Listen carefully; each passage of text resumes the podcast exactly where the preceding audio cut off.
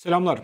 Genel olarak ekonomide sürprizin olmadığı, aslında her şeyin beklendiği gibi, olması gerektiği gibi giden bir haftayı geride bıraktık öyle söyleyebiliriz. Çünkü yeni paradigma, yeni politika değişikliği, yeni ekonomi yönetiminin getirdiği uygulamalar sonuçlarını vermeye başladı. Bunların olumlu olumsuz bir takım neticeleri oluyor. Bunların hepsini beraberce yaşıyoruz. Bunların en olumsuz sonuçlarını da belki de reel olarak borsada alıyoruz diyebiliriz. Bunun dışında e, yatırım araçlarına ilişkin finansal yatırım araçlarının getirileri açıklanıyor TÜİK tarafından her ay. Bu ay yine açıklandı. Az sonra onları konuşacağız sizlerle. E, diğer taraftan da işte biliyorsunuz e, dolar TL'de yatay bir band hala devam ediyor. O yatay bandın içerisinde bir yine e, küçük de olsa bir vites değişikliği var. Ondan bahsedelim. İsterseniz hemen onunla başlayalım. E, biliyorsunuz dolar TL'de her hafta 0.5 ya da %1 yukarı doğru gidiş vardı ve bu kontrollü bir şekilde yukarı doğru götürüyordu. Ama iki haftadır bu yukarı doğru götürme meselesi artık sonlanmış gibi gözüküyor. Biraz yatay banda sarmıştı geçen hafta ve demiştik ki bu bir yeni paradigma değişikliği olabilir mi? Yani yeni paradigmanın içinde bir yeni paradigma olabilir mi demiştik. Hakikaten öyle bir şeyle neticelendi. Sanıyorum böyle devam edecek. E, ve e, geçen hafta 28.90'dan kapanan dolar TL bu hafta 28.93'e yükseldi. Çok sınırlı bir yükseliş var. O da e, haftanın son günü falan olması lazım. Başlarda o bile yoktu. E, dolayısıyla şöyle baktığımız zaman 2 haftalık hareketin %0.2 olduğunu görüyoruz. Yani biz her ay %3'e yakın enflasyon açıklarken eğer aylık dolardaki hareket %0.5 olacaksa hakikaten TL reel olarak değerleniyor anlamına gelir. Şimdi az sonra size bu hafta Merkez Bankası aynı zamanda reel efektif döviz kurunu da açıkladı. Onu açıklayacağım ve orada hafif bir TL'de değer kaybı var gibi gözüküyor. Onun sebebini söyleyeceğim. Şimdi e, diğer taraftan da dolar TL'de durum böyleyken Euro 31.44'ten 31.05'e geriledi. Demek ki dolar sabitken euro gerilediyse euro dolar paritesi aşağı doğru gelmiş. Dolar euroya karşı değerlenmiş demektir ki zaten onu göreceğiz. Gram altında 1925'ten 1867'ye geriledi. Altında bu hafta bir düşüş var ama düşüşün asıl yeri gümüşte oldu. Muazzam bir kayıp var. Dediğim gibi uluslararası piyasalara geldiğimizde onlara bakacağız. Peki Borsa İstanbul'da ne oldu? Maalesef Borsa İstanbul negatif kapattı bu haftayı. Normalde pek alışık değiliz. Az da olsa bir artıyla vesaire kapatıyordu ama %1.40 değer kaybetti. Sadece BIST 100 değil aynı zamanda BIST 100'ün içinde BIST 30'un da ciddi değer kaybettiğini biliyoruz. O da %1.74. Açıkçası bunda ana neden sinayi endeks ve ulaştırma endeksinin %2'nin üzerinde değer kaybetmesi. Bankacılık nötr kapattı. Biraz orası dengeledi. Ama onun dışında dediğim gibi çok iç açıcı değil durumlar. Peki e, sektörel olarak baktığımızda en çok düşen sektörlerden ilk sırada yatırım ortaklıkları var. Biliyorsunuz bu yatırım ortaklıkları aslında bir şirket değil, diğer şirketlerin ya da diğer işte e, menkul kıymetlere yatırım yapan e, kolektif yatırım kuruluşları. E, onları saymazsak ikinci sırada spor sektörü gidiyor. %6.59 düşüş var. Üçüncü madencilik 6.36, %6.36. Dördüncü aracı kurumlar. Aracı kurumlarda kan kaybı devam ediyor. %5.34 biliyorsunuz bu işte iş menkul var, işte Osmanlı var, açık olan info var vesaire. Onların olduğu yer burası. Beşinci sırada da %4.67 ile taş toprak işte buranın da asıl yeri çimentolar. Şimdi e, az önce söylediğim gibi sinayi tarafta %2.16 ulaştırmada da %2.14'lük bir düşüş gördük. E, ulaştırmadaki bu düşüşü petrol fiyatlarındaki geri çekilmenin devam etmesine rağmen gördük. Önemli. E, bankacılıkta yatay kapattı ama volatilite çok yüksekti. İşte ilk haftanın ilk kısmında yukarı doğru giden bankacılık sonradan e, ciddi kan kaybı yaşadı diyebiliriz. Peki yükselen sektörler, açıkçası bu yükselen sektörler meselesinde de bu hafta şöyle bu yayın hazırlanırken baktığımda bizim bir süredir konuştuğumuz e, senaryo bir miktar bu hafta özellikle işte bunlara belki haftalık bakmak çok doğru değil ama e, sonuçta haftalar birleşip de ayları aylar birleşip yılları oluşturuyor. E, beklediğimiz senaryo oluyor gibi gözüküyor. Ticaret 3.07 yükselmiş. İşte bunun içinde marketler var, Teknosa var vesaire. E, Intem ma bu hafta e, iyi yükseliş gösterdi gördüğüm kadarıyla. E, gıda 1.80 bu hafta gıdalar iyiydi. E, yanlış hatırlamıyorsam yayla gıda en çok yükselenler arasında olması lazım. Gayrimenkul yatırım ortaklıklarında da %0.42'lik artış var. Aynı zamanda iletişim 1.32 yükseldi ki buradaki ana e, belirleyici Türk Telekom oldu. Şimdi bunu niye böyle söylüyorum? Çünkü dikkat ederseniz daha önce konuştuğumuz yayınlarda işte e, özellikle işte tüketicinin alım gücü düşecek. ihracat taraflarında da işler çok iyi gitmiyor. Dolayısıyla e, tüketicinin vazgeçemeyeceği ürünlere e, ürünleri üreten şirketlerin bir miktar daha olumlu ayrışabileceğini söylemiştik ki işte market olsun, iletişim olsun, gıda olsun bunlardan bahsetmiştik ki bu hafta bu düşünce, bu görüş teyit edilmiş oldu. Peki BIST yüzde şirket bazında en çok yükselenler hangileri? Borusan Yatırım yüzde 18.87, ikinci Türk Telekom yüzde 9.68, Ege Endüstri geldi yüzde 8.54, üçüncü ee, daha önceki biraz volatil gittiği için bu kağıdın bu kadar bu hafta yükselmesi söz konusu oldu. E, emlak konut gayrimenkul yatırım ortaklığı 7.48, yayla gıdada 7.30'la e, bu hafta 5. sırada geldi en çok yükselenlerde. En çok düşenlerde Doğan Holding var %9.45, gübre fabrikaları var, gübre 9.02 düştü. Vesteller e, bu hafta kan kaybetti. Vestel beyaz eşya 8.84, Vestel kendisi %8.80 düştü. Bir de Akfen yenilenebilir %8.44 e, değer kaybetti. Dolayısıyla gördüğünüz gibi Şirketlerde de hisse bazlı çok ciddi e, oynaklıklar var. Yani biri %10 yükselirken biri %10 düşebiliyor. Dolayısıyla da artık analizin daha önemli hale geldiği yani topyekun her şey yükselirken her analiz tutabiliyordu ama şimdi biraz daha e, bilginin kıymetli olduğu dönemlere geldik gibi gözüküyor açıkçası. Peki fonlar tarafında ne oldu? Ben bu hafta bu e, size bu videoda her hafta fonları yayınlarken size gösterirken en çok yükselenler, düşenler işte bir ekran görüntüsü de veriyoruz. Biliyorsunuz bunları işte e, hisseleri Finnet'ten alıyoruz. Bu fonları Fonbul'dan alıyoruz. Fakat tabii Fon meselesinde e, piyasa kapanıyor. Ondan sonra fon hesaplanıyor. Ertesi gün işte önceki günün fiyatlarına göre fon fiyatı açıklanıyor biliyorsunuz sabahtan vesaire. Dolayısıyla ben aslında sizle bu fon bilgilerini paylaşırken önceki haftanın cumasını da almış oluyorum. Dolayısıyla fiyatlarda bazen ufak tefek sapmalar olabiliyor. Bu hafta onlardan bir tanesi. Mesela e, işte bankacılık hisselerini bünyesinde barındıran fonların ciddi yükseldiğini gördük. Halbuki bankacılık e, yatay kapatmasına rağmen bu önceki haftanın bir yansıması olarak düşünebilirsiniz bunu. Ee, en yüksek getiriyi bu arada bankacılıkla aynı bankacılığı kendi e, bankacılık hisselerini barındıran fonlarla uzun vadeli borçlanma, devlet iş borçlanma senetleri barındırmış, e, barındıran fonlar elde etmiş. Bunun sebebi de şu, az sonra e, finansal yatırım araçlarının getirilerinde de bunu göreceğiz. E, faizlerde uzun vadeli tahvil faizlerinde bir miktar düşüş oldu son bir haftada. Dolayısıyla faizler düşünce de e, tahvilin değeri yükseliyor. Tahvili kendi bünyesinde barındıran fonda doğal olarak değer kazandı. Burada şöyle bir e, nüans var. Uzun vadeli tahvillerin düşen faizlere duyarlılığı daha yüksektir. Yani yükselene de düşene de yani duyarlılıkları daha yüksektir. Eğer faizler yukarı giderse siz bunlara daha fazla para kaybedersiniz. Faizler aşağı giderse bunlara daha fazla para kazanırsınız. Dolayısıyla uzun vadeli borçlanma araçlarını bulunduran fonların yükselmesinin sebebi biraz bu. Yükselişler haftalık %5'e yakın olmuş. Ee, en çok düşenlerde gümüş barındıran, emtia barındıran fonlar olmuş ki gümüşte çok ciddi bir değer kayboldu bu hafta. Bunun sebebi de budur. Peki Uluslararası piyasalarda ne oldu? Haberlere geçmeden önce onlara da biraz bakalım. ABD 10 yıllık tahvil faizleri yatay gidiyor. Biliyorsunuz 5'lere kadar gelmiştik. Burası 4.20. Burada çok büyük bir haber yok. E, bu hafta çarşamba günü Fed var. E, Salı çarşamba toplanacaklar. Çarşamba günü bir karar açıklanacak. FED kararına da şöyle bir değinelim. Herhangi bir faiz değişikliği beklenmiyor. Burada asıl önemli olan şey Fed'in ne zaman artık faiz düşürmeye başlayacağı meselesi. Yani faiz arttırmayacağı konusunda artık neredeyse herkes antat kalmış durumda ki zaten enflasyon verileri de fena gelmiyor. Ama bu hafta tarım dışı istihdam verisi geldi. Tarım dışı istihdam verisi beklentilerin üstünde geldi. Onun için e, Fed'in faiz indirmesine ilişkin bir motivasyon yok ortada. Dolayısıyla dolar biraz bu hafta güçlendi. Bir sebebi de bu olabilir. Unutmayın bu hafta Fed'in faiz kararı açıklanmadan önce de ABD'de hem tüfe hem üfe enflasyonlarını alacağız. O veriler de bizim için önemli olacak.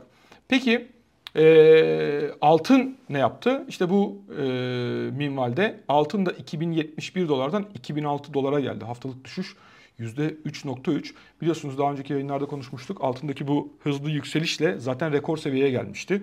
Şöyle bir son 20-30 yıl taradığımızda bunun üstüne kendini atabilmiş değil. Bu son yıllardaki üçüncü denemesi ve e, biliyorsunuz böyle çok e, sert dirençler de öyle kolay kolay kırılmıyor. Dolayısıyla buradan geri çekilmesi normal.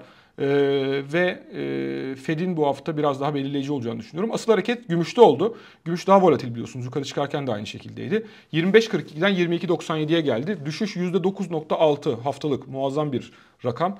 Ee, dolayısıyla e, gümüş yatırımcısı bu hafta biraz mağdur olmuş oldu.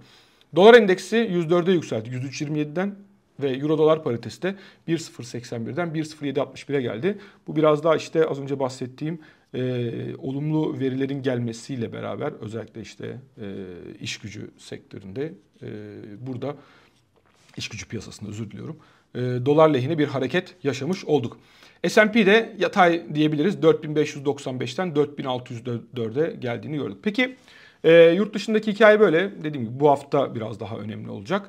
E, sadece Fed'in değil bu aynı zamanda ECB'nin ve e, Bank of England'ın da İngiltere Merkez Bankası'nın da neyi var? Bu hafta faiz kararları var, toplantıları var. Peki bizim var mı? Bizim yok. Bizimki sonraki hafta olacak. Bizde e, ana konulardan bir tanesi işte biliyorsunuz dönem dönem e, haftanın başında enflasyon açıklandı. Enflasyon verilerinde aylıkta 3.28, yıllıkta %61.98'e geldik. Üfe'de 2.81, yıllıkta 42.25. E, hemen Mehmet Şimşek'in ve Cevdet Yılmaz'ın açıklamaları oldu. İşte TÜFE'de e, beklediğimiz yere doğru gidiyoruz. 2024'ün ikinci yarısında düşüşler başlayacak. Aynı zamanda da çekirdek tüfeğe baktığımızda e, beklediğimizden daha hızlı bir olumluya gidişat var diye açıklamalar geldi. Onları da not etmiş olayım. Asgari ücret bu hafta 11 Aralık'ta ilk toplantısı yapılacak.